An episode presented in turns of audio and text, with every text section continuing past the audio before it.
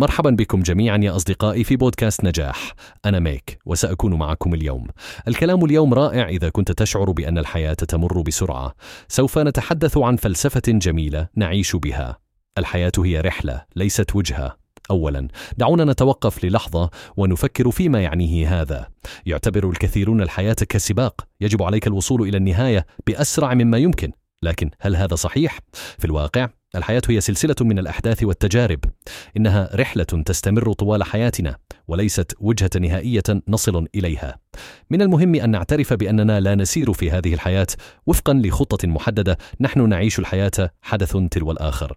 اذا يجب أن نتعلم كيف نستمتع برحلتنا أكثر من الوجهه يجب أن نحتضن كل تجربة سواء كانت جيدة أو سيئة تعلم منها أكبر من خلالها وأكثر. الأحداث الغير متوقعة والتحديات اليومية تعطينا الفرص لنكتشف عناصر جديدة من شخصياتنا وتبني قدراتنا ومهاراتنا. هذه اللحظات تساعدنا على رؤية الحياة من منظور جديد، وتعرفنا على لحظات استثنائية لا نستطيع تجربتها إلا من خلال العيش أثناء الرحلة. لكن يمكن أن يكون في بعض الأوقات من الصعب أن ننظر للحياة بهذه الطريقة خاصة عندما تكبدنا التجارب القاسية بالخيبات. لكن الجمال في الحياة يأتي أحيانا من هذه اللحظات الصعبة.